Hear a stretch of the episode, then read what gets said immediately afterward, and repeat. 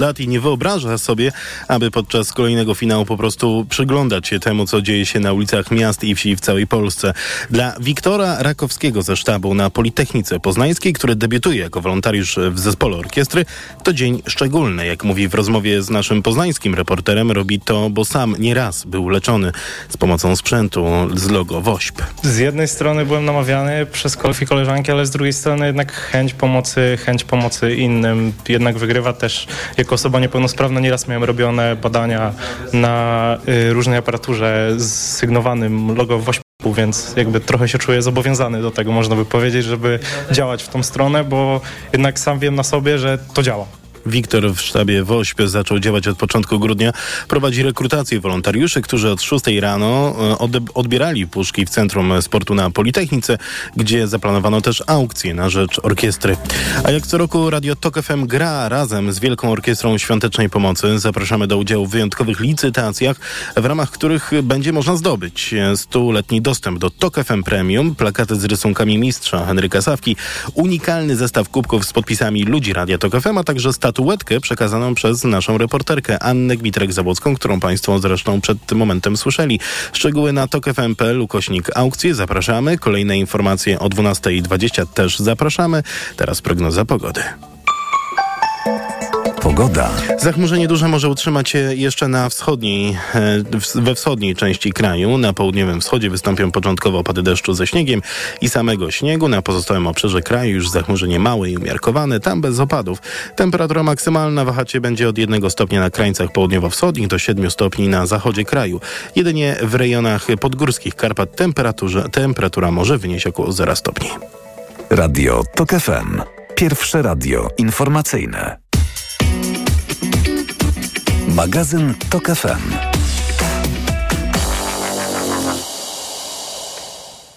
Jest 12.06 na zegarach. Przemysław Iwańczyk. Otwieramy kolejną godzinę naszego niedzielnego magazynu, a naszym e, kolejnym rozmówcą jest profesor Wojciech Woźniak z Uniwersytetu Łódzkiego, także Uniwersytetu w Helsinkach. Dzień dobry, kłaniam się. Dzień dobry Państwu, dzień dobry Przemku. Mam nadzieję, że się słyszymy. W Finlandii trwają wybory prezydenckie.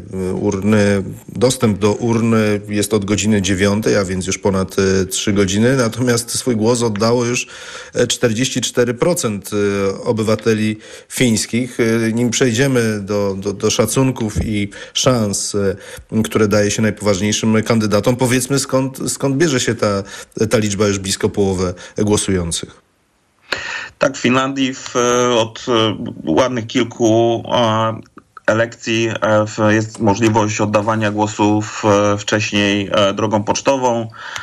Można to zrobić po prostu wysyłając swój głos w specjalnej kopercie, mm, ale też są po prostu takie stacje wyborcze w większych miastach ulokowane i tam można już na dwa tygodnie, chyba dwa tygodnie przed rozpoczyna się to E, głosowanie kończy na kilka dni przed tym dniem wyborów, także sporo Finów, jak widać, skorzystało już z tej e, okazji. E, natomiast te głosy, które były gromadzone w mm, wcześniejszych dniach, też dopiero dzisiaj są przeliczane. Także dzisiaj fińskie media z jednej strony pokazują sceny z E, głosowania w konkretnych komisjach wyborczych, a w drugiej pokazują, że w komisjach wyborczych trwa już liczenie tych głosów, które zostały oddane wcześniej. Tak, popełniłem błąd. Jest przesunięcie czasowe, a więc od e, ponad 4 godzin już e, czynne są lokale wyborcze. Tak dla uzupełnienia, rozumiem, że to wynika także z rozległości tego kraju i, i to, że skupiska e, aglomeracyjne są w, w tylko kilku miejscach, tak? Tak, to też e, chodzi o to, żeby Finowie mieszkający czy przebywający czasowo za granicą mogli e, łatwiej oddać głos i w, mogli to zrobić po prostu pocztą wcześniej. Odciąża oczywiście też placówki dyplomatyczne, ambasady czy konsulaty, które w, musiałyby no, przyjąć po prostu wszystkich chętnych w sam dzień wyborów, a w ten sposób no, nie mają tego kłopotu. Dobrze, to teraz powiedzmy jak e, przełomowe, istotne, każde wybory prezydenckie są istotne, ale e, te w Finlandii szczególnie e, są dla mieszkańców tego kraju, biorąc pod uwagę, że ustępujący prezydent wprowadził kraj do NATO i stanął w obliczu bardzo poważnego zagrożenia ze strony sąsiada, jakim jest Rosja. Tak, a poza tym e, w, no, stworzył taką sytuację, w której bardzo trudno będzie go zastąpić. Wejście w buty e, prezydenta Sauliego Niinisto będzie trudne, niezależnie od tego, kto wygra wybory, bo bardzo wysoko zawiesił poprzeczkę przed swoim następcą. Gdyby była możliwość kandydowania, zwyciężyłby trzecią e, kadencję niewątpliwie bez najmniejszego problemu. Ma poparcie w e, zaufanie społeczne na poziomie 90% w, mniej więcej. E, także jest to duże wyzwanie dla e, następców. Rzeczywiście można by się było spodziewać, że ten cień Rosji i sytuacji międzynarodowej będzie wisiał nad tymi wyborami. Natomiast z drugiej strony no, specyfika fińskiej sceny politycznej, mimo że ona jest wielopartyjna i mocno, mocno podzielona, akurat w tej chwili polega na tym, że właściwie w sprawach relacji międzynarodowych, w sprawach e, NATO, w sprawach obronności, w sprawach tego, co jest największym e, wyzwaniem związanym z sytuacją taką geopolityczną w Europie, panuje bardzo duży konsensus. Także ta kampania wyborcza była dosyć oczywiście zdominowana przez rozmowy o polityce międzynarodowej, o kwestiach bezpieczeństwa, ale akurat to nie były sprawy e, konfliktowe. E, troje e, w trzech w głównych kandydatów, którzy mają szansę wejść do drugiej tury, naprawdę pod względem, pod tym względem z jednej strony mają bardzo zbliżone poglądy, z drugiej strony w, szczególnie no, tych dwóch liderów sondażowych. Obaj e, to politycy z olbrzymim doświadczeniem międzynarodowym, obaj to byli ministrowie spraw zagranicznych. E, jeżeli chodzi o relacje z e, Rosją, no mają zupełną jasność tak, w kwestii zagrożenia. Rzeczywiście kwestia NATO jest tutaj bardzo ważna, no bo prezydent Sauli Niinisto negocjując wraz z byłą premier Sanną Marin w wejście Finlandii do NATO, można powiedzieć, że zagwarantował sobie, że to właśnie prezydent jako przedstawiciel Finlandii będzie e, członkiem delegacji, głową delegacji fińskiej w, na posiedzeniach NATO, także ten kontekst jest bardzo ważny. Mm, prezydent Ninisto mm, sprawował swoją funkcję przez 12 y, lat, tak? Bo, bo sześcioletnia kadencja tak, tak, jest tak, tak, no, w Finlandii. kadencje no to musiał bardzo mocno wpisać się w historię tego kraju, ale czy e, namaścił któregoś z tych kandydatów, którzy mają szansę po, po dzisiejszym wieczorze e, przejść do, do drugiej tury?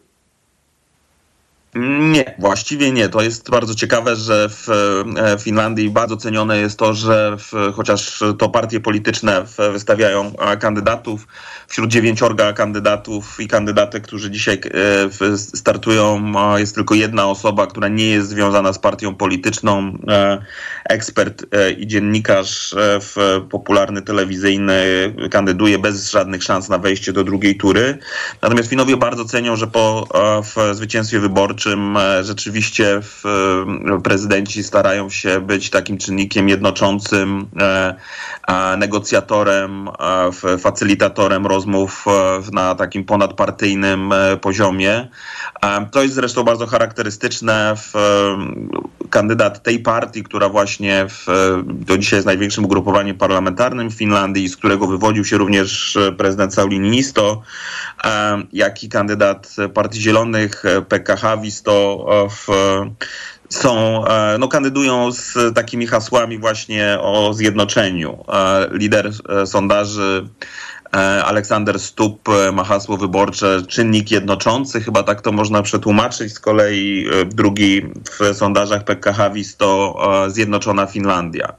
Trzeci kandydat, to jest najciekawsze zapewne i największy znak zapytania. Trzeci kandydat, kandydat nacjonalistycznej skrajnie prawicowej partii Finów e, Jussi Halla-aho, e, również z doświadczeniem w polityce międzynarodowej, obecny e, marszałek Sejmu jest takim politykiem niewątpliwie najmocniejszym stopniu odwołującym się do własnej bazy, do własnego zaplecza, do tych w, wyborców, którzy popierają jego partię. I on w, w odróżnieniu od konkurentów właściwie no, wprost formułuje swój przekaz przede wszystkim do tej swojej bazy, ale warto zaznaczyć, to podkreślać, że w odróżnieniu od wielu innych krajów e, europejskich, także od krajów e, północy Europy, ta prawicowa, nacjonalistyczna i często określana no słusznie jako, jako ksenofobiczna partia Finów, akurat w odróżnieniu od innych partii skrajnej prawicy w Europie nie jest prorosyjska. Wręcz można powiedzieć, że Jussi Halacho jest chyba najbardziej radykalnym e, krytykiem Rosji i najbardziej radykalnym zwolennikiem e, wspierania jeszcze większego, jeszcze mocniejszego wspierania Ukrainy w trakcie mm, trwającej wojny. Fińskie dzienniki zapowiadające te wybory no mówią oczywiście o polityce wewnętrznej, ale także zwracają uwagę e, to, jaką strategię będzie musiał nowy prezydent przyjąć na arenie międzynarodowej. I tutaj czytamy, że nowy prezydent e, już nie poprowadzi jako głowa państwa Finlandii neutralnej, ale będzie prowadził e, ten kraj przez umiejętność balansowania w relacjach między mocarstwami i uwaga, kształtowania dobrych stosunków e, z Rosją. Czyli jest tutaj taka skłonność do konsensusu, do poszukiwania platform porozumienia z Rosją, a nie konfrontowania się już jako, myślę o Finlandii jako kraju, który należy do Sojuszu Północnoatlantyckiego? Mam wrażenie, że to jest wyłącznie retoryka, która trochę nawiązuje do w, no, właśnie w dawnych czasów i do tego, że rzeczywiście przywrócenie jakiegoś takiego balansu w relacjach między NATO a Rosją e, byłoby w, optymalne, bo jeżeli chodzi o konkrety, czyli o sytuację na fińsko-rosyjskiej granicy, czy potrzebę wspierania e, Ukrainy w militarnym wysiłku w zbrojnym w trakcie walki z inwazją rosyjską, e, to ta te deklaracje są e, bardzo oczywiste i, i, bardzo formułowane wprost i tak jak mówiłem są przedmiotem właściwie konsensusu. To znaczy, że e, Rosja jest e, powszechnie traktowana jako rosnące zagrożenie i w, nawet jeżeli w, w Finlandii nie ma jakichś takich obaw, czy nie przebijają się w dyskursie publicznym jakieś takie opinie, że stoimy u progu trzeciej wojny światowej, czy istnieje realne ryzyko wojny nuklearnej, to, to, to ta sytuacja jest traktowana bardzo poważnie. Zwiększenie nakładów na obronność, wstąpienie do NATO, e, w, które, które już miało miejsce, w, to są rzeczy absolutnie niekwestionowane i w, traktowane bardzo poważnie. Mm, kiedy możemy spodziewać się pierwszych, e, pierwszych notowań po zamknięciu lokali wyborczych? Czy to po, podobna procedura e, do tej, do tej u nas e, w tak, kraju, gdzie exit pole od razu się pojawiają? Tak, exit pole będą dzisiaj. Właściwie jest tak naprawdę jeden znak zapytania. No, dwóch kandydatów liderujących sondażom w, do niedawna wydawało się, że bez problemu znajdą się w drugiej turze. Natomiast na ostatniej prostej, w ostatnich dwóch tygodniach bardzo mocno widać trend wzrostowy, w, jeśli chodzi o sondaże Jussi Halaho, czyli tego trzeciego kandydata związanego z tą e, skrajną prawicą i w, no, w ostatnich sondażach e, jakby jemu brakowało do wejścia do drugiej tury mniej niż 3 e, punkty procentowe, czyli to wszystko w granicy błędu statystycznego. Także w największy znak zapytania dzisiaj, jak e, w, będą wyniki sondaży, będzie dotyczył właśnie tego, czy udało mu się przegonić kandydata Partii Zielonych Pekkę Havisto, czy jednak wyląduje pod, pod progiem. Bardzo dziękuję. Jest 12.17. Z nami był e, profesor Wojciech Woźniak z Uniwersytetu Łódzkiego oraz Uniwersytetu w Helsinkach. Kłaniam się i do usłyszenia. Dziękuję bardzo. Państwa zapraszam teraz na informacje Radia Tok FM, a po nich nasz stały cykl przy niedzielnym stole będzie z nami pani Monika Walecka. Magazyn Tok FM.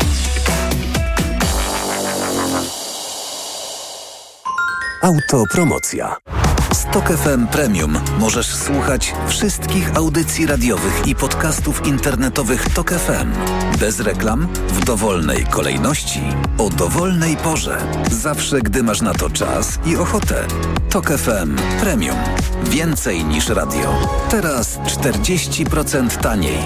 Szczegóły oferty znajdziesz na tokefm.pl. Autopromocja. Reklama. RTV Euro AGD.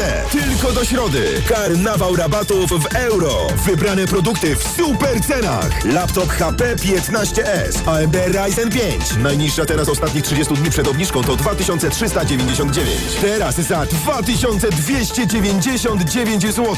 A dodatkowo aż do 50 rat 0%. I do maja nie płacisz na cały asortyment. RRSO 0%. Szczegóły i regulamin w sklepach i na euro.com.pl. W Aldi promocje zawsze od jednej sztuki. Od poniedziałku mięso mielone. Najniższa cena sprzed pierwszej obniżki 11,99. Teraz 33% taniej. Tylko 7,99 za 400 gramów. E, Zobacz, Barbara, jaka niedziela za oknem. Taka handlowa. Marian, to może jeszcze z finału wielkiej wyprzedaży w Media Expert skorzystamy i kupimy telewizor, laptop, smartfon albo ekspres do kawy taniej. Sprawdzaj biedronkowe oszczędności codziennie. Tylko w tę niedzielę super oferty dnia. Szynka z wędzarni lub schab z wędzarni Kraina Wędlin Select 200 gramów. 1 plus 1 gratis z kartą Moja Biedronka. Limit dwa opakowania, maksymalnie jedno gratis na kartę. Do tego ser żółty w plastrach Gouda lub Morski Światowit. Dwa razy 250 lub 500 gramów. 1 plus 1 gratis z kartą Moja Biedronka. Limit dwa opakowania, maksymalnie jedno gratis na kartę. I to są dobre powody, by iść do Biedronki. Nowe książki, magazyn do czytania już w sprzedaży, a w nim 10 książek roku 2023, wywiad z Joanną Kuciel-Frydryszak oraz epicki seks w prezencie na zimę. Książki, magazyn do czytania już w sprzedaży. Wchodzę na wagę i znowu przytyłam. I te napady głodu. Tak, Aniu. I chęć na batonika, i potem spadek energii, i senność. Skąd wiesz? Już to przerabiałam. Okazało się, że miałam wahania poziomu cukru we krwi. Mnie pomógł trisulin. Suplement diety Trisulin to aż trzy ekstrakty roślinne dla wsparcia prawidłowego metabolizmu glukozy. Trisulin to połączenie morwy, kozieradki oraz górmaru, który dodatkowo kontroluje wagę, zmniejszając apetyt na słodycze. Trisulin i cukier w normie. Zdrowit. Reklama. Radio TOK FM. Pierwsze radio informacyjne.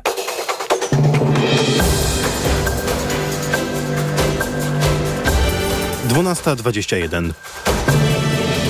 Informacje Emil Górny. Rosja werbuje Białorusinów na swoje uczelnie wojskowe, pisze ukraiński portal utworzony przez Siły Operacji Specjalnych Ukraińskiej Armii. Według serwisu w rosyjskim wojsku brakuje młodszych oficerów. Przedstawiciele rosyjskich sił prowadzą nabory w miastach na Białorusi, tak zwane dni otwarte, podczas których Białorusinom proponuje się naukę na stopień oficera na rosyjskich uczelniach wojskowych. Pięcioosobowa rodzina straciła dorobek życia w pożarze w Trychałach Małych obok e, Ostrowa Wielkopolskiego.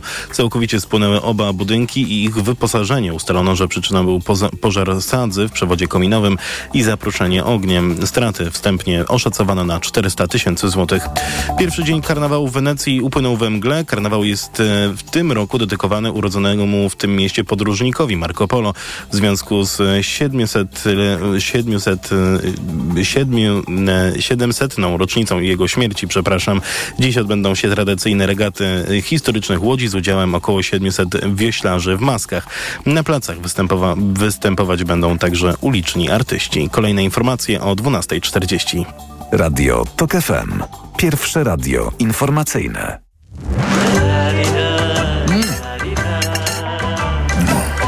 Przy niedzielnym stole. 12.22 na zegarach. Przy niedzielnym stole dziś zasiada Monika Walecka, e, piekarka, fotografka, autorka książki opowiadania drewnianego stołu, a także właścicielka piekarni Cała w Mące. Dzień dobry. Dzień dobry, witam serdecznie. Mm, właściwie nie wiem od czego zacząć. Tyle e, pasji jest w pani, przynajmniej to wynika z wizytówki, którą przed chwilą e, przedstawiłem. Która z nich jest najważniejsza? E, No myślę, że przede wszystkim e, piekarka całym sercem, e, potem na chwilę obecną przedsiębiorczyni, gdyż oprócz piekarni posiadam jeszcze cukiernię Tonkę i kanapkownię Foka, no a potem cała reszta, która gdzieś tam się miesza w tym moim życiu wedle potrzeb i wedle energii i, i wedle zainteresowań. Jest tego dużo. Muszę zarządzać dobrze tą swoją obfitością, ale jakoś sobie radzę. Y, Zaproponowaliśmy pani rozmowę, by e, opowiadała o nim, o, ona, przepraszam, o słodkim karnawale, czyli mm, nie wiem, przytoczeniu historii, skąd y, wziął się zwyczaj jedzenia pączków, e, faworków y, i czy Polacy rzeczywiście tej tradycji będą y, wierni. Dlaczego, skąd bierze się moja wątpliwość, a mianowicie no, jeśli wsłuchamy się w głos y, dietetyków, to, to, to cukier zabija, jest białą śmiercią, a, a przecież e, pączki, faworki, wszystko to, co kojarzy nam się z karnawałem raczej opływa słodkością. E, No tak, no e, oczywiście jak ze wszystkim e, sam cukier w sobie nie jest trucizną, bo jest też paliwem i potrzebujemy węglowodanów do życia. Jak zawsze chodzi o dawkę i ilość tego, co zjemy, więc jak zjemy jednego pączka, a potem pójdziemy na długi spacer, to raczej się nam nic nie powinno stać. Dlatego myślę, że karnawał, no oczywiście to wynika z naszej kultury, z naszej tradycji katolickiej, prawda, że przed tym postem musimy po prostu się za wszystkie rzeczy, za, e, za wszystko, za, e, zatracić w tej przyjemności, najeść się tych pączków tak mocno, żeby potem przez 40 dni po prostu trawić je i e, przerabiać te cukry nagromadzone w naszym organizmie. E, no tak, ten karnawał to jest taki trend też ogólnoświatowy, prawda? W naszej kulturze są pączki, w innych kulturach jest Mardi Gras. Każdy kraj e, w krajach e, skandynawskich teraz widzę taki trend w piekarniach. Nawet nie wiem, jak to wymówić. To jest takie Festenbollen, nie, nie wiem. E, proszę sobie sprawdzić, że właśnie na ten czas e, styczniowy e, do właśnie Mardi Gras, czyli to jest ten wtorek taki bezpośrednio przed Środą Popielcową, że e, robi się takie wybitnie kremowe, napchane cukrem, kremami, śmietaną wypieki opływające właśnie puszystą śmietaną, czy tam różnymi, e, różnymi innymi. Nie jestem e, smakami, nie jestem historykiem sztuki, w sensie histo- historykiem kultury jedzenia. Nie wiem skąd to się wywodzi, natomiast wiem, że e, generalnie tłusty czwartek to jest taki czas, kiedy we wszystkich piekarniach i cukierniach płonie czerwona lampka. E, popyt jest wyjątkowy tego dnia. E, zawsze sobie też śmieję się, że ten tłusty czwartek to jest chyba najgorszy dzień że na pączki, gdyż, e, gdyż tutaj e, mówię tak w wypieku komercyjnym i tak dalej, idzie się przede wszystkim na ilość, żeby po prostu spodać, e, sprostać temu wielkiemu popytowi. E, więc, e, no ale tradycji musi się stać zadość. My też formujemy szeregi, już od tygodnia myślimy o tym, jak to zrobić, żeby w tym roku może jakoś pobić niepobijalny rekord naszej piekarni. W zeszłym roku zrobiłyśmy naprawdę, pracując w kilka osób przez calutką noc, około 1300, pączku, y, 1300 pączków, które wyprzedały się nam w godzinę. Pamiętam, że po zakończeniu, po zakończeniu zmiany leciałam do Tel Awiwu, wylądowałam jakoś o 9.30, wchodzę na Instagrama, e, a tam już, że nie ma pączków. Ja mówię, o kurczę, ale to wszystko poszło, więc w tym roku może się nam uda troszkę bardziej. A co pani powie na e, receptury babć, które twierdziły, że pączek musi być e, usmażony na smalcu? No, myślę, że smalec, y, oprócz tego, że fajnie ma troszeczkę wyższą y, temperaturę smażenia, więc jakby te pączki fajnie się na nim smażą i długo smażą, nadaje też tej skórce taki wyjątkowy smak. I oczywiście jest to, wedle tradycji, jest to bardzo dobry y, tłuszcz do smażenia. W ogóle smalec fajnie dodać na przykład do faworków czy do ciasta kruchego i on daje zupełnie inne efekty niż na przykład masło. Natomiast no wiem, że teraz ludzie jakby rezygnują z produktów zwierzęcych y, i bardzo dobrze, więc jakby smalec wymienia się na olej i olej też jest ok, masło klarowane jest ok. Najgorsze są oczywiście te wszystkie frytury, czyli te wszystkie tanie y, oleje używane do smażenia, aromatyzowane, pełne substancji takich, żeby wystarczały na długo, także no mm, na pewno smalec w tym wypadku, oprócz tego, że jest produktem odzwierzęcym, no to myślę, że gdzieś tam jest jeszcze całkiem fajny i zdrowy, umownie tak powiemy, w porównaniu do tych innych takich rzeczy, na których y, wysmaża się pączki. Ja czasami sobie e, obserwuję, czy nie czasami, ciągle obserwuję, co się dzieje i na przykład e, w supermarketach sprzedają pudło pączków, 10 sztuk, na przykład za 4 zł albo za 5 zł. Ja sobie myślę, kurczę, co tam jest? Oprócz tego, że one są z, z fabryki pewnie, gdzie po prostu wszystko jest zmechanizowane i idzie się na potworną skalę, no ale nawet przy takiej skali, co tam jest w tym pączku, y, że 10 pączków kosztuje y, tak mało? Zabrała mi pani pytanie, które chciałem zadać w dalszej części A, naszej rozmowy, ale do, nie, do, niego, do niego wrócę. Natomiast e, proszę powiedzieć, czy ten aforyzm, zresztą jest ich wiele, choćby kryjący się pod szkołą falenicką i, i otwocką, też przenosi się na, na sprawy związane z pączkami. Chodzi mi konkretnie o nadzienie, jakie Mhm. w nim jest e, zawarte. Czy, czy istnieje jakiś kanon, którego powinniśmy się e, w tej kwestii trzymać? E, tak, oczywiście. No myślę, że takim, e, takim kluczowym no to jest ten pączek z konfiturą różaną. E, i są różne konfitury różane. Oczywiście taką najbardziej prawilną jest taka, kiedy płatki e, róży uciera się po prostu z cukrem.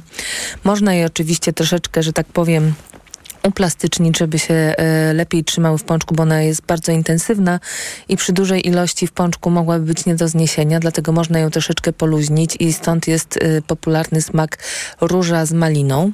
Malina dodaje troszkę kwasku, więc jest to bardzo fajna kompozycja. Myślę, że takim drugim e, kanonowym, kanonicznym smakiem jest konfitura śliwkowa lub konfitura porzeczkowa. E, No a teraz oczywiście e, trendy docierają też do świata pączków. Oczywiście e, bomboloni włoskie, włoskie inspirowane taką restauracją St. John w Londynie, która bardzo, temu, bardzo dawno temu zaczęła wysmażać takie pączki, które się nadziewa po upieczeniu, po usmażeniu. O właśnie, ja teraz muszę poruszyć kwestię tego, bo jakby fajnie jest robić takie pączki, e, że się smaży tylko ciasto i one jest zawsze takie równiutkie, ma obwódkę, a nadziewa się po, upiecze- po usmażeniu. Ja natomiast uważam, że takie prawdziwe, prawilne pączki powinny być nadziane przed usmażeniem i one mają zupełnie inny smak, ale to też wynika z tego, że po prostu jak się smaży takiego pączka, i on się tam gotuje i on się na tym tłuszczu jakby zwiększa objętość i smaży i, y, i dochodzi do siebie, jakby podgrzewa się też to nadzienie i to nadzienie po prostu przenika, łączy się z wnętrzem i daje dużo aromatu, daje wilgoci, więc uważam, że takie pączki są troszkę inne. Nie mówię, że lepsze czy gorsze, to jest kwestia oczywiście... Kwestia oczywiście jakby takiej e, osobistej e, recepcji danego pączka. Natomiast ja uważam, że takie tradycyjne pączki powinny być nadziane e, przed smażeniem.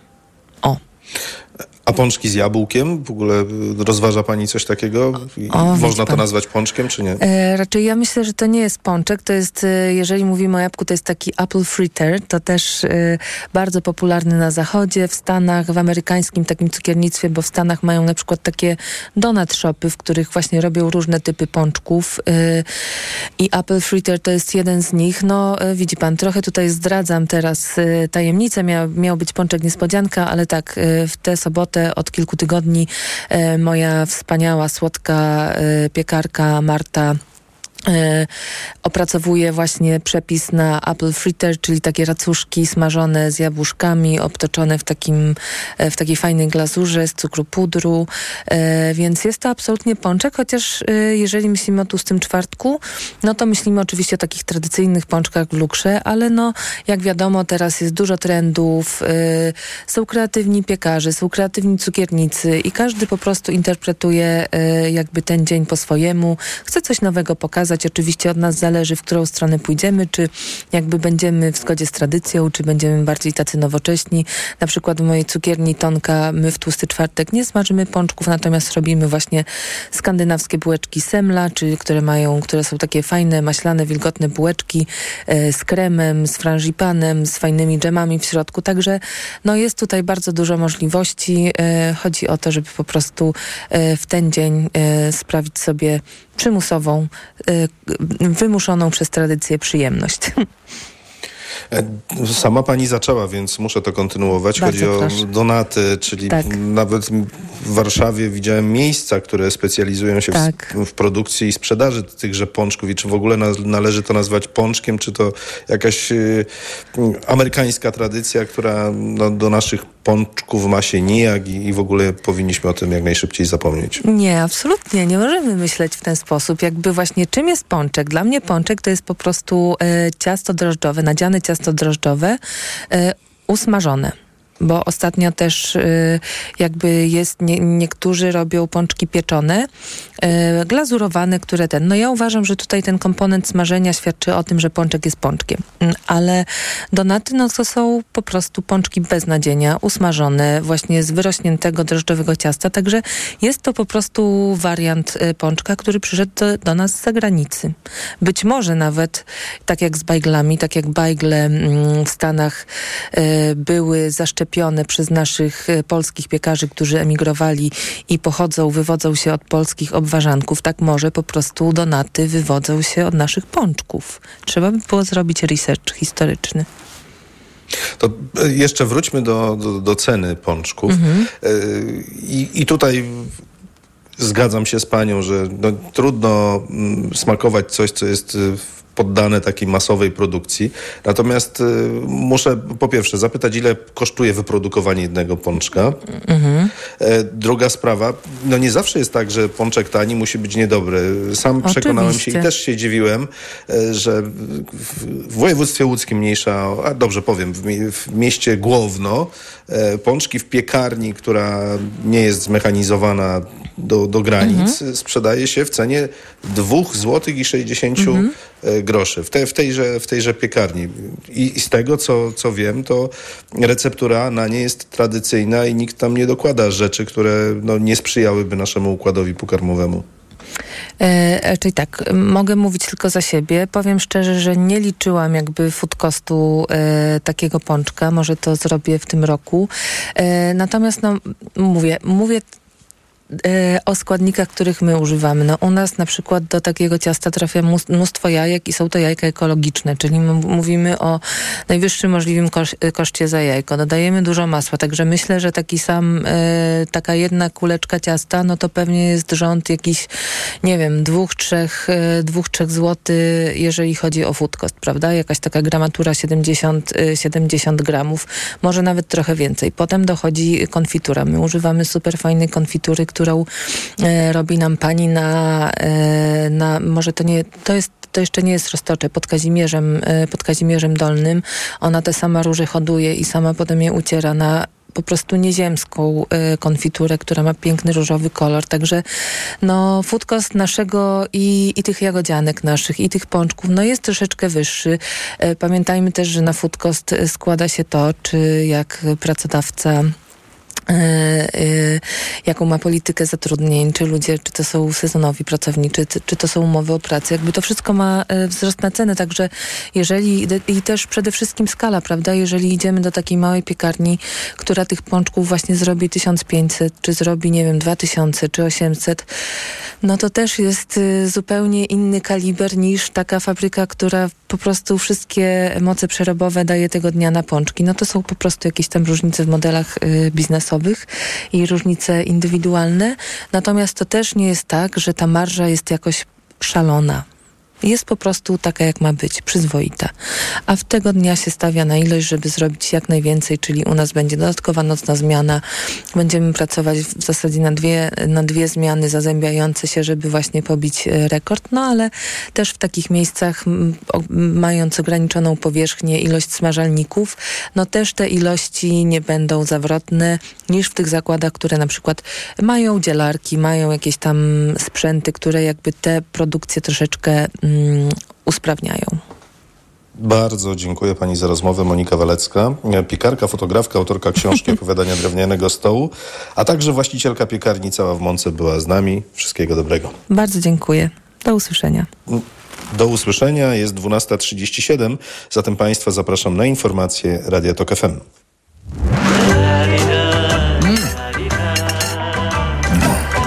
Przy niedzielnym stole.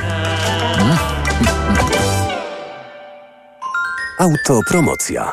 Kim są Polacy tworzący sztuczną inteligencję na świecie i czy jest szansa, by tworzyli ją również w Polsce? Nasze gwiazdy informatyki rozwijają sztuczną inteligencję w OpenAI i w Google. Tworzą startup Eleven Labs, ale czempiona sztucznej inteligencji na miarę firm francuskich czy niemieckich w Polsce wciąż nie mamy. Czemu wyjeżdżają, no i czy mogą wrócić do kraju? I co dziś może zrobić Polska, żeby stworzyć im warunki do rozwoju? Tech Historie. Zapraszają Sylwia Czubkowska i Joanna Sosnowska. Słuchaj na tokefm.pl lub w aplikacji mobilnej Tok FM. Autopromocja. Reklama. Teraz w euro. Stacja czyszcząca albo dodatkowa bateria w super cenie. Przy zakupie objętych promocją odkurzaczy pionowych marki Samsung. Ciesz się nieskazitelną czystością w swoim domu. Szczegóły w sklepach i na euro.com.pl. Seniorzy powinni dbać o nawodnienie organizmu również zimą. Najlepszym rozwiązaniem są elektrolity Hydro Optima Senior D3. Suplement diety Hydro Optima Senior D3 zawiera substancje potrzebne do nawodnienia organizmu, ale ma niską zawartość sodu i glukozy, co ma szczególne znaczenie dla osób z nadciśnieniem i podwyższonym poziomem cukru. Dodatkowo Hydro Optima Senior D3 zawiera wysoką dawkę witaminy D3, tak potrzebną w okresie zimowym.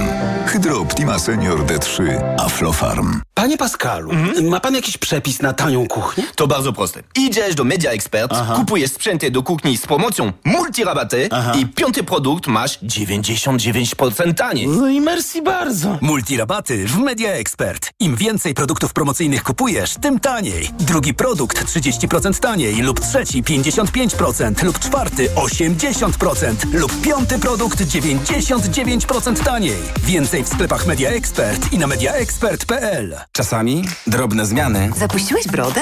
Podoba mi się. Prowadzą do spektakularnych efektów. Z wypadaniem włosów jest podobnie. Wystarczy zmienić szampon na DX2 przeciw wypadaniu włosów. DX2 wzmacnia cebulki włosów i włosy odrastają odporniejsze na wypadanie. DX2. Aniu, boli mnie gardło. Czy możesz wziąć za mnie zastępstwo w piątej A?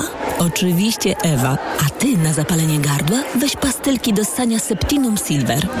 Wyrób medyczny Septinum Silver dzięki zawartości nanosrebra wspomaga leczenie infekcji bakteryjnych i wirusowych gardła. Łagodzi ból, chroni i nawilża gardło. Septinum Silver. Pierwsza pomoc przy bólu gardła. Dostępny także w sprayu. Producent oraz podmiot prowadzący reklamę Zdrowit. To jest wyrób medyczny. Używaj go zgodnie z instrukcją używania lub etykietą. Reklama. Radio TOK FM. Pierwsze radio informacyjne.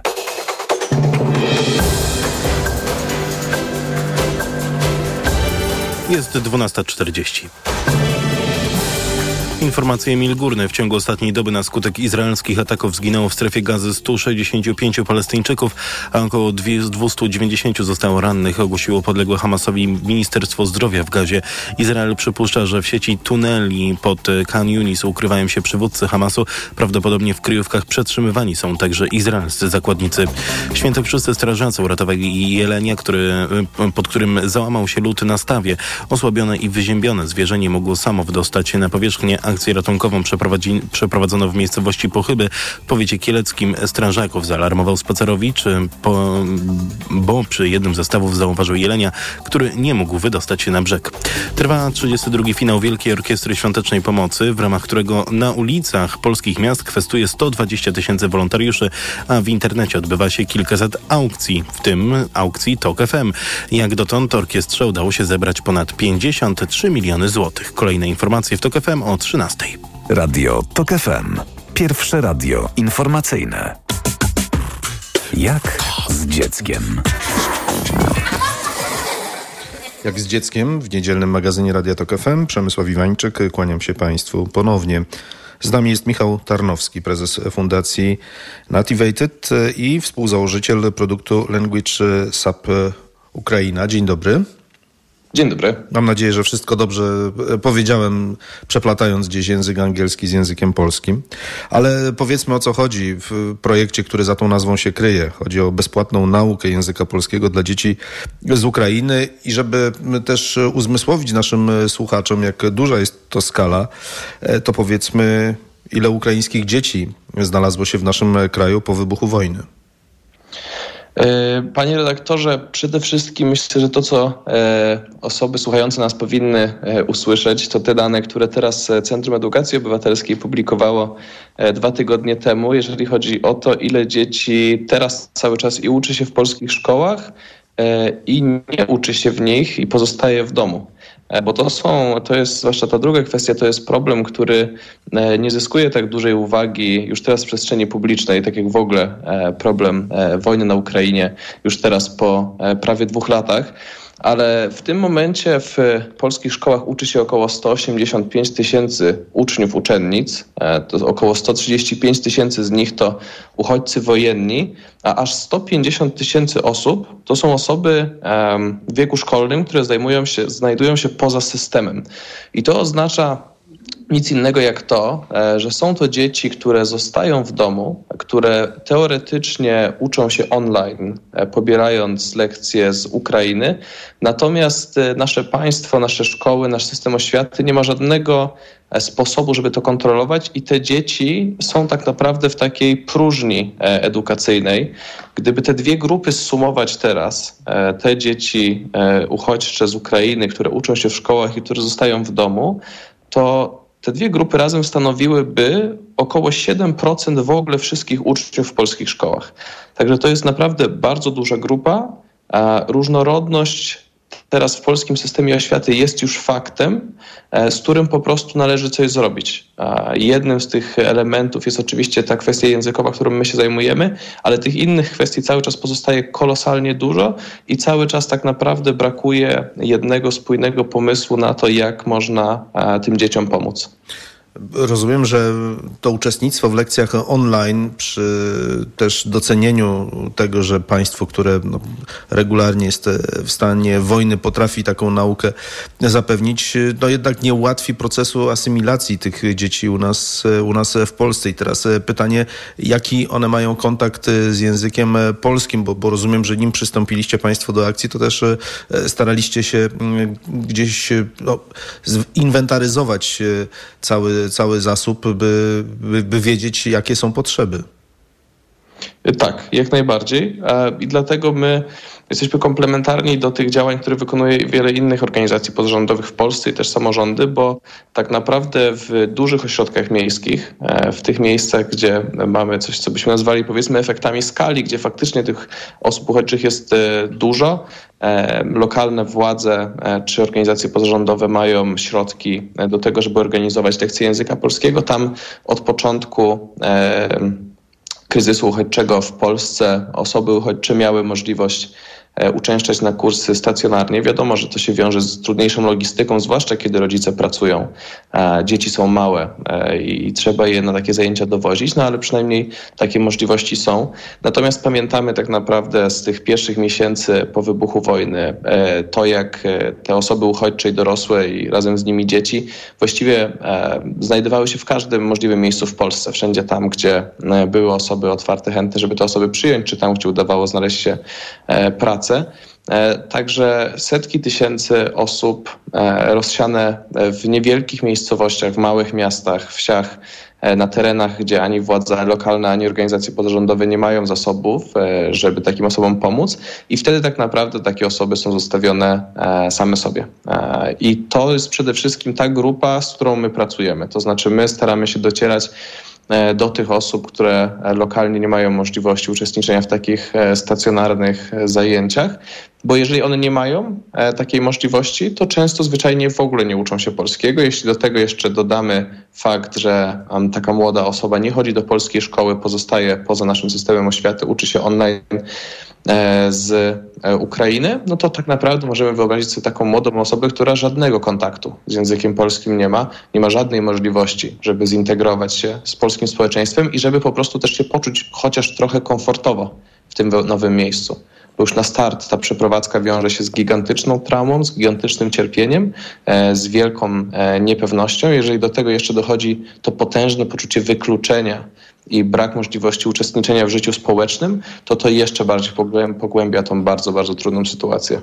Jak regularnie odbywają się te zajęcia? No bo szlifowanie języka ma tylko sens, kiedy odbywa się właściwie permanentnie, a nie od czasu do czasu. Jak, jak to wygląda w przypadku Państwa projektu? Jasne. U nas w, w Language SAP kursy są wystandaryzowane i trwają 11 tygodni w przypadku tych na poziomie A1 bądź 22 tygodnie w przypadku tych na wyższych poziomach. I każdy taki kurs to trzy zajęcia w tygodniu po półtorej godziny. I to było e, oczywiście też przedmiotem naszych wewnętrznych dyskusji, dyskusji z partnerami merytorycznymi. Jak intensywne powinny być te zajęcia.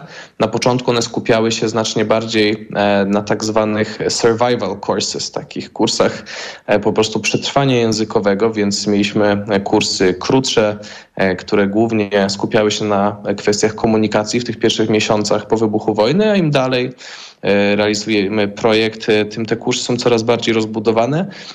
Teraz te, taki format właśnie jaki mamy przepraszam, trzy razy w tygodniu po półtorej godziny przez te 11 czy 22 tygodnie, to już taki format, który umożliwia naprawdę e, konsekwentną, skuteczną naukę języka i przechodzenie e, po tych kolejnych poziomach zaawansowania.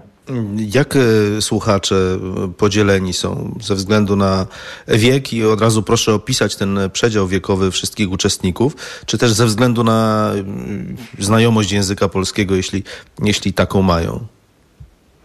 Tak, więc e, ci uczestniczący w zajęciach są podzieleni e, na obu e, polach, o których pan, panie redaktorze wspomniał, to znaczy w pierwszej kolejności te osoby podzielone są względem wieku, więc są grupy dla dzieci w wieku od 6 do 9 lat, 10, 12 i 13 do 18 i do tego mamy podział na te poziom zaawansowania, więc Zaczynamy od osób, które nie mają żadnej znajomości języka polskiego i rozpoczynają naukę na poziomie A1, a potem także mamy grupy A2, B1 i niedawno wprowadzone grupy e, B2. Mm, czy, czy, są tacy, którzy no ze względu na ograniczoną liczbę miejsc jeszcze nie dostali się do projektu i, i na przykład czekają, czekają w kolejce? Jak najbardziej. E, takich osób jest dużo i to też sprawia, że my cały czas kontynuujemy realizację tego projektu. E, my na ten moment mieliśmy 16 tysięcy osób, które zarejestrowały się na platformie e, i wyraziły potrzebę uczestniczenia w kursie. jeszcze raz proszę przypomnieć, przy jakiej liczbie dostępnych miejsc? E, do tej pory 5 tysięcy dostępnych miejsc na kursach e, udało Czyli nam się. Co, co, trzeci, co trzeci chętny na razie się dostał, a, a pozostali muszą czekać. Dokładnie co jest oczywiście dla nas, dla nas dużym wyzwaniem. E, to nie jest tak też, że my wybieramy osoby chętne. E, działamy trochę na takiej zasadzie, e, że po prostu ustalamy, jakie kursy w danym tygodniu będą ruszały. Nauczyciele, nauczycielki prowadzący takie kursy ogłaszają, że na przykład kurs na poziomie A1 dla osób w wieku 6-9 lat będzie się zaczynał za dwa tygodnie i wysyłamy informacje o tym mailowo do tych osób, które wyraziły potrzebę uczestniczenia w takim kursie i które też przeszły przez nasz proces sprawdzenia ich wiedzy, czyli przez nasz test poziomujący. I spośród tych osób, te, które akurat w danym momencie mają możliwość się zapisać na kurs, zapisują się. Jak wyglądają takie, takie zajęcia, bo one są przeprowadzane online? Oczywiście intuicja mi podpowiada. E, ale to jest jakaś platforma specjalnie do tego napisana, czy, czy, czy, czy poprzez tradycyjne komunikatory? Tak, to wszystkie te zajęcia są online e, i to jest to, co faktycznie nam pozwala właśnie realizować tę misję, o której mówiłem wcześniej, tego docierania e, do osób jak najszerzej w Polsce. E, I tak, i to jest platforma, którą my zbudowaliśmy jako fundacja. To jest to, co jest naszą taką mocną stroną. Jesteśmy dosyć młodym zespołem i, i z dosyć dużymi kompetencjami właśnie technicznymi, technologicznymi, więc cały ten proces nauczania i łączenie się, umawianie zajęć, chodzenie na zajęcia są realizowane te procesy e, na naszej platformie, co pozwala nam też e, zapewnić po pierwsze całkowite bezpieczeństwo dzieciom, e, co jest dosyć dużym wyzwaniem w przypadku realizacji na szeroką skalę zajęć w internecie i też bardzo skutecznie sprawdzać postępy naszych podopiecznych, no bo wiadomo, że w przypadku tych wszystkich działań edukacyjnych, pomocowych, no bardzo ważne jest to, żebyśmy mierzyli, czy faktycznie te nasze założenia realizujemy i czy to, że nam się wydaje, że skutecznie pomagamy, faktycznie znaczy, że skutecznie pomagamy. I faktycznie realizowanie tego w ramach takiej zamkniętej naszej platformy, gdzie wszystko od początku do końca e, się realizuje, pomaga e, też te cele spełniać.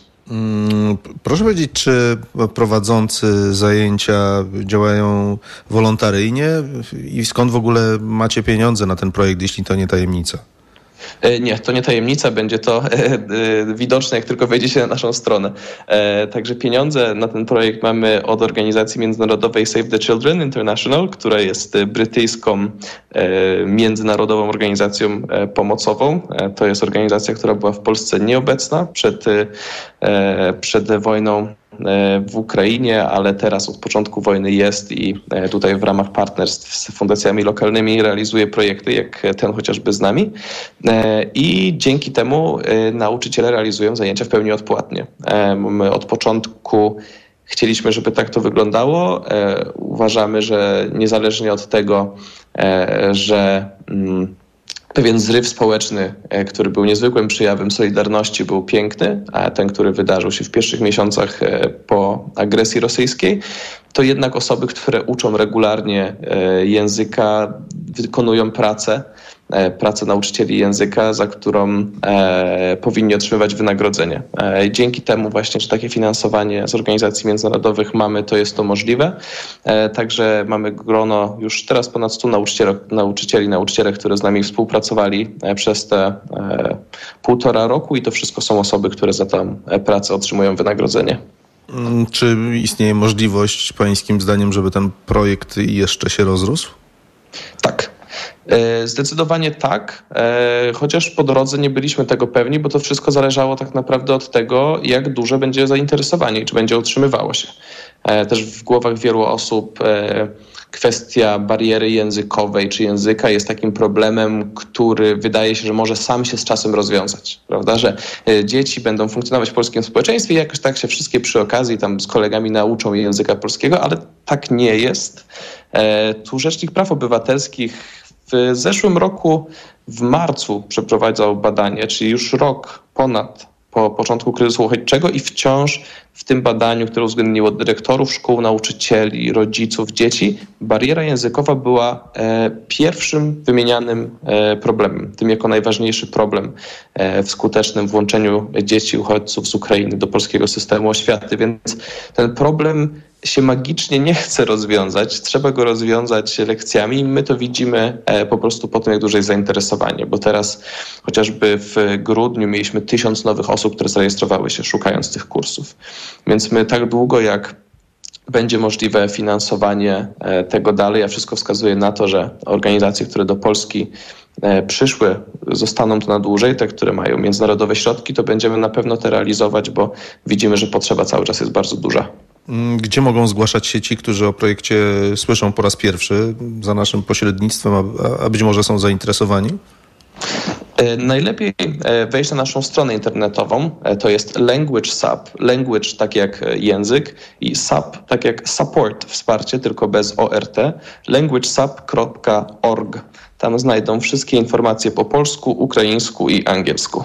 Bardzo dziękuję panu za, za rozmowę. Michał Tarnowski był z nami, prezes Fundacji e, Nativated, założyciel projektu Language Sub Ukraina. Dziękuję panu bardzo.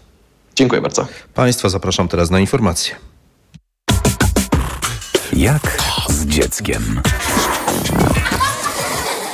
Koalicja jest dopięta w każdym drobnym fragmencie. Przywrócimy w Polsce normalność, odsuniemy tych szkodników od władzy, rozliczymy tych, którzy łamali prawo, zajmiemy się tymi sprawami, które dla Polaków są najistotniejsze. My mamy ustalić ważną listę spraw, które tu i teraz trzeba w Polsce naprawić. To, co z polską gospodarką zrobiło Prawo i Sprawiedliwość, naszą pozycją na arenie międzynarodowej. Łączy nas szacunek dla konstytucji, szacunek dla praworządności, nasza mocna obecność w Unii Europejskiej, łączą nas prawa człowieka, szacunek dla autonomii samorządów. Tego jest całe mnóstwo. Co druga osoba zaczepiająca mnie, moje koleżanki i kolegów z mm, y, Koalicji Obywatelskiej. A zdarza się to codziennie parę razy na przystanku tramwajowym, y, gdzieś po drodze na ulicy. Mówi to, mówi właściwie dwa wyrazy.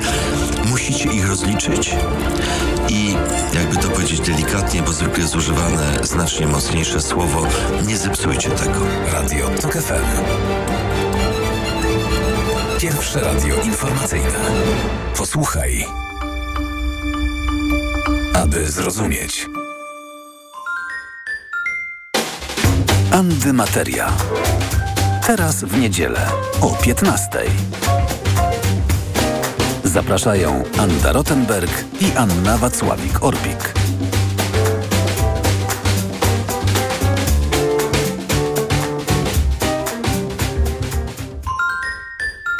Reklama. Jestem Marek Mam szkółkę narciarską. Kiedy wychodzę na stok, liczę na dobre warunki. A jak muszę się rozliczyć, to liczę na pakiet Samodzielna Księgowość w Banku Millennium. Otwórz konto Mój Biznes w Banku Millennium z pakietem Samodzielna Księgowość za 0 zł przez 2 lata w promocji. Warunki promocji zawarte są w regulaminie promocji 2 lata gratis, która trwa do 29 lutego 2024 roku. Szczegóły i regulamin dostępne są na stronie banku. Bank Millennium. Inspirowany Tobą. Po raz kolejny przedsiębiorstwa mogą z mBankiem wspierać Fundację Wielka Orkiestra Świątecznej Pomocy. Otwórz zdanie rachunek korporacyjny, a opłaty za jego prowadzenie i za użytkowanie karty WOŚP przekażemy na realizację działań orkiestry. mBank. Gramy razem. Materiał nie stanowi oferty w rozumieniu kodeksu cywilnego i ma charakter wyłącznie informacyjny. Nie jest zobowiązaniem mBank USA. Szczegółowe informacje o warunkach akcji dostępne w regulaminie na mbank.pl ukośnik w rytmie WOSP 2024 lub u doradcy. Nowe książki, magazyn do czytania już w sprzedaży, a w nim 10 książek roku 2023. Wywiad z Joanną Kuciel-Frydryszak oraz epicki seks w prezencie na zimę. Książki, magazyn do czytania już w sprzedaży. To był świetny wypad w góry. Do czasu, aż Krysie złapał ból pleców, pamiętacie? Niby coś brałam, ale nie pomogło. Bo stosowałaś nie to, co trzeba. Fakt. Pomógł mi dopiero Opokan Med. Bo Opokan Med to specjalistyczne rozwiązanie. Właśnie na bóle mięśniowo-stawowe i reumatyczne. Opokan Med przynosi ulgę na długo. Opokan Med. Bez bólu przez cały dzień. Bez bólu przez całą noc. To jest wyrób medyczny. Używaj go zgodnie z instrukcją używania lub etykietą. Rozgrzewanie i łagodzenie dolegliwości krzyżowo-lędźwiowych, reumatycznych, mięśniowych, stawowych i nerwobuli. Aflofarm. Przyjmuję dwa razy w weekend, w sobotę i niedzielę od 16 w Radiu TOK FM. O. Na wizytę u doktora zaprasza Ewa Podolska. I zdrowia życzę. Sponsorem programu jest Herbapol Poznań, producent leku Urosept, stosowanego pomocniczo w zakażeniach układu moczowego. Wielka Orkiestra Świątecznej Pomocy znów gra z M-Bankiem. Technologia M-Banku pomaga pomagać. To proste. Jesteś klientem M-Banku? Po pierwsze kliknij raz w serduszko w aplikacji, a M-Bank wpłaci od siebie złotówkę na woźb. Po drugie zrób też własną wpłatę, bo każda kwota ma znaczenie. M-Bank to miliony klientów. Razem zbierzemy więcej. Gramy razem! To nie jest oferta. Szczegółowe informacje, w tym warunki realizowania wpłat, znajdziesz na mbank.pl ukośnik woźb. Reklama. Radio TOK FM.